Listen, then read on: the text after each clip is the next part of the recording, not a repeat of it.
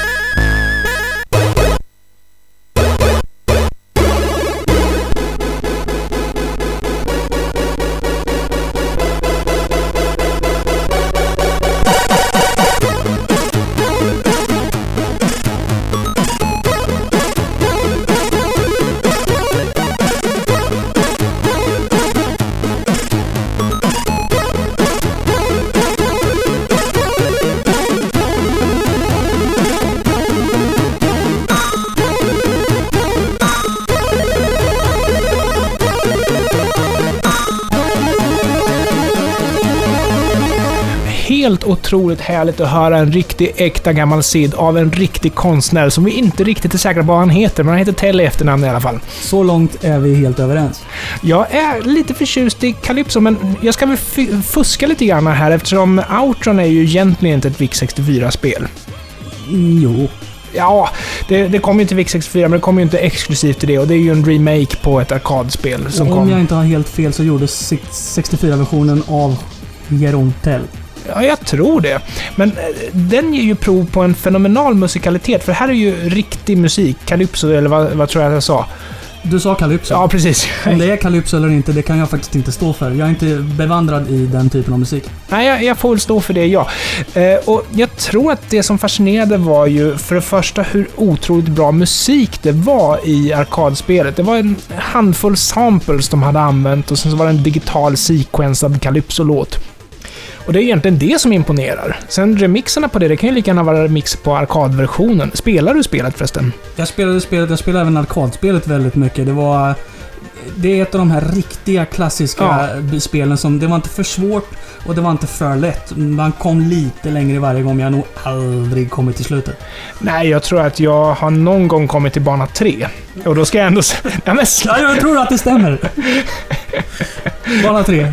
nu vill inte jag berätta. Nej, det är för sent. Nej, men jag, jag, det jag skulle säga dessutom är att eh, jag spelar faktiskt Outrun fortfarande. Om eh, jag någon gång vill koppla av och dricka whisky, då botar jag faktiskt upp eh, arkadromen på Outrun och spelar den. Helt korrekt förfarande. Ja, musiken var fenomenal och det jag ska bjuda på här, eh, Henrik, det är en eh, remix av Reptile and Sky och låten är Magical Sound Shower.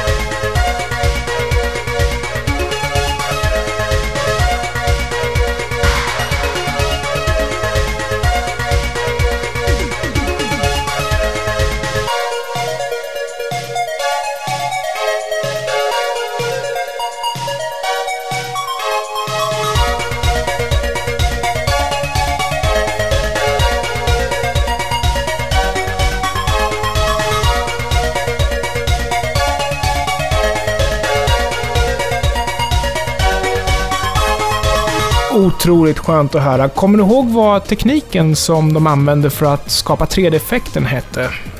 Jag vet vad det heter, men jag kommer inte... Jag får inte fram det just nu. Nej, ja, det, det är ingenting man ska gå omkring och ha koll på, men jag råkar ha ordet i huvudet nu. Det heter Superscaler. Just det, och det använder de i flera spel som kommer ungefär samtidigt där. Afterburner, Ja. Thunderblade och något mer. Och på VIC64-termer så heter det X och Y-expandering, har jag för mig. Ja, men det var väl lite mera... Eh, Alltså, ja, X och Y-expandering var ju lite enklare, för du hade liksom full storlek eller halv storlek i någon av de olika ledderna. Men det var ju så det var implementerat på VIC64, för den hade ju definitivt inte Superscaler. Utan den hade ju X och Y-expandering. det fanns en lösning. Ja, ja, precis. Visst är det så. Jag måste säga att eh, Commodore 64 eh, eh, kommenteringen av arkadspelet var riktigt bra. Och eh, följde spelet så mycket man skulle kunna förvänta sig. Ja, bättre än Amigan. Eh, De hade ju gjort den här semi-3D-effekten med vägen betydligt bättre på Amiga-versionen. Av förklarliga skäl. Du hade ju mer processor och, och, och tillgå där. På VIC-64 så var det väl mest en, några bilder som de sköt i sidled om man svängde fel. Så 3D-effekten var ju ganska dålig. Men action-effekten, alltså upplevelsen av att spela var faktiskt bra på VIC-64 också. Även om man inte hade någon ratt att spela med. Nej, precis. Man hade inte ratten och så hade man inte grafiken. Den hydrauliska bilen att sitta i.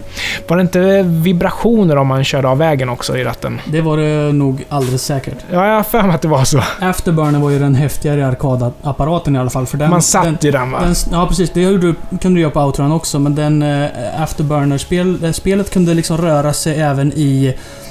Vilken LED ska vi säga att det här är? Ja, ja, precis. Fram och tillbaka. Ja, precis. Ja, men du De- nickade eller, eller De duckade. nickar, Ja. precis. Och för er som vill uppleva det där så tror jag väl att en Afterburner-enhet finns i bild i Terminator 2, va? Är det inte så? Stämmer alldeles utmärkt när de är i eh, arkadhallen där och eh, den elaka Terminatorn kommer dit och letar efter John. Och då spelar de även Missile Command, som jag, Ja. om jag inte missminner mig, sitter en kille just nu och försöker slå världsrekord i att spela 100 timmar på raken på ett liv. Och Missile Command är ett betydligt äldre spel, men å andra sidan en fenomenal spelidé skulle jag säga. Så den står Enkel sig. och lätt att förstå, Ja. men den är inte lätt. Nej, och Missile Command, det är ju liksom lika stort eh, genombrott som jag skulle säga att Space Invaders är. Även om den inte finns i allmänhetens eh, sinne lika mycket. Nej, men det beror ju på att du hade en trackball för att spela. Det var inte riktigt lika lätt att implementera det på hemdatorer. Men jag kommer ihåg att Macintoshen hade ju faktiskt en implementation av spelet, men det var ju för att den levererades med mus. Och, och mus kunde ju ersätta trackballen som satt i Mus, arkadenheten. musen kommer aldrig ersätta joysticken. Nej, nej, nej, men den kunde ersätta trackballen. Ett annat spel som hade trackball var ju Arkanoid. Som är ett fantastiskt spel.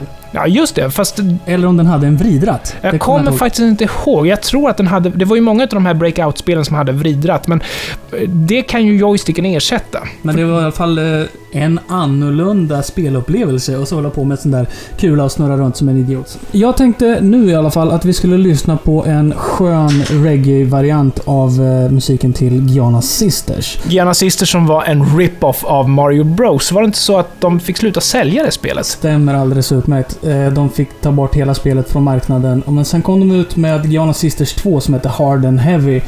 Som i princip var samma spel igen, men av någon anledning så gick det bra. Ja, säg det, säg det. Här är L-Man som tillsammans med Marcel Doné spelar reggae-version av titelmusiken och de kallar det så lite lustigt för Gianna Wailers.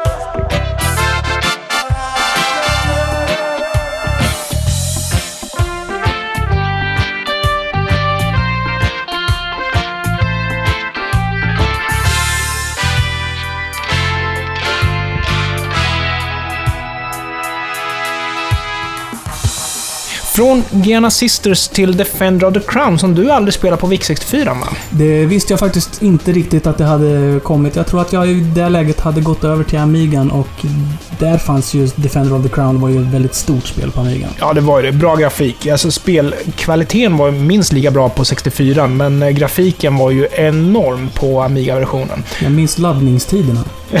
ja, precis. Nej, men den fanns på VIC-64 också. Så här låter Shidden.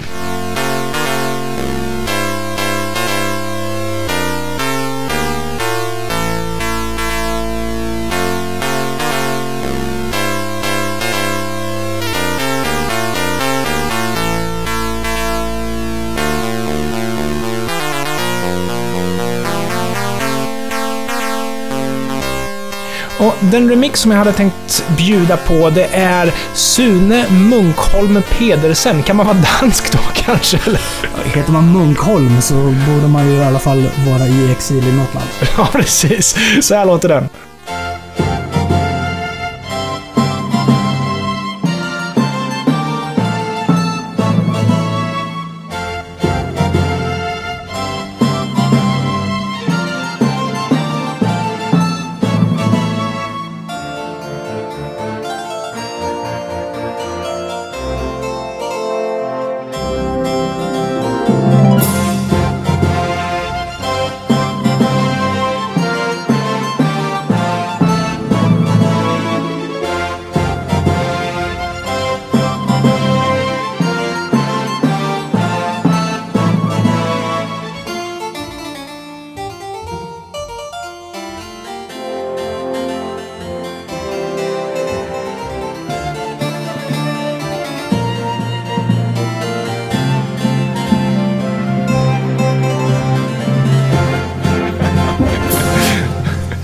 Det var Sune Munkholm Pedersen. Vackert namn ska jag säga, med hans version av Defender of the Crown. Eh, Han har gjort det bra tycker jag, men där fick du höra VIC-64-versionen också, så det hade du inte hört förr. Alltid någonting nytt och det tycker jag är ett otroligt bra eh, sales point med kamouflage. Saker du aldrig hört förut. Saker som Henrik aldrig hört förut dyker upp här. Ja, men jag är som de flesta. Någonting som du aldrig hört förut, vi pratade om det här tidigare, att eh, jag tror att du frågade mig om jag gjorde någon musik på min ZX81, men den har ju faktiskt ingen ljudkrets. Vet du. Det borde ju egentligen inte stoppa det, men okej, okej. Men sen så var ju processorerna på den tiden hade ju en ganska låg eh, klockfrekvens, heter det, heter det så? Du som kan Ja, datorer. det säger vi. Ja, precis. Nej, men jo, klockfrekvens. Ja, Ja, absolut. på en megahertz och sånt där. Och körde du basic så arbetade ju datorn betydligt långsammare. Så det man kunde göra, det var att man kunde skriva en fårslinga. Och sen så kunde man sätta en paus i den fårslingan. Och eh, det här gav ett ljud, en störningsljud, som du kunde ta upp med en vanlig FM-radio, eller Förlåt mig, det är ju faktiskt på AM-bandet du var tvungen att ta upp det, men du kunde ta upp det här bruset. Och beroende på hur länge du räknade på en fårslinga så fick du olika längd på tonerna. Och beroende på hur lång paus du hade så fick du olika frekvens på tonerna, så du kunde ju faktiskt få en ZX81 att låta den också, men det var radiobrus då, att du fick olika frekvens på bruset. Det var väldigt omständigt med andra ord och jag gissar att datorn inte kunde utföra några som helst andra uppgifter medan han spelade den här musiken. Nej, såklart inte. Men det, det liknar lite grann, du har hört de här floppy-diskarna som spelar eh, musik. Ja. Imperial March är den klassiska. Ja, det är samma sak där, fast då är det rent fysiskt ljud istället. Mm, men det är underbara grejer. Så, sådana typer av hacks älskar jag. Det är det som jag tycker är jättekul. Folk som får gamla printrar att spela musik och sådana saker. Det tycker jag är skitkul. Ja, just det. De här 9-0-printrarna, de lät ju som riktiga fabriker när de skrev ut. Det här var kul. Absolut. Och eh, vi har inte så mycket mer att bjuda på faktiskt. Det här fantastiska eh, avsnittet av Camouflage. Eh, vi kommer ju förstås helt otvivelaktigt att återkomma med flera superbra, trevliga program. Och du som lyssnar är ju högst välkommen som vanligt att bidra med kommentarer eller låtönskningar eller vad helst ni tycker passar bra till det här programmet. Och vi tänker avsluta Camouflage nummer 32 med den fantastiska Rein Oehand som precis kommit hem från en turné i, över hela Europa där han har spelat ihop med Vanessa Paradis på över 30 konserter. Fantastiskt! Ganska häftigt att han eh, har en riktig publik och ändå är intresserad av att remixa C64-musik. Ja, och han är ju en fantastisk musiker. Han är verkligen kompetent på alla instrument på alla sätt och vis. Och de här eh, improviserade låtarna som han kör ibland på Slay Radio visar ju bara vilket geni han är. Ja, och sen så den låten som han har gjort en cover på här, eller en remix på här, det är ju inte vem som helst det heller. Martin Galway som är en av de största inom Commodore 64-musiken. Whizball är det som Ryan spelar här och han har ju spelat in ett otal olika versioner av musiken från Whizball. Men den här låten hittar ni bara på YouTube. Det är alltså en inspelning han gjort från sin egen studio där han eh, bor i en gammal kyrka i Amsterdam. Det är en fantastiskt häftig byggnad som han har köpt och byggt om till en studio. Den här videon tycker jag ni ska leta upp på YouTube, men här får ni åtminstone lyssna på musiken. Tack så mycket för att ni har lyssnat. Hej då! Adjö!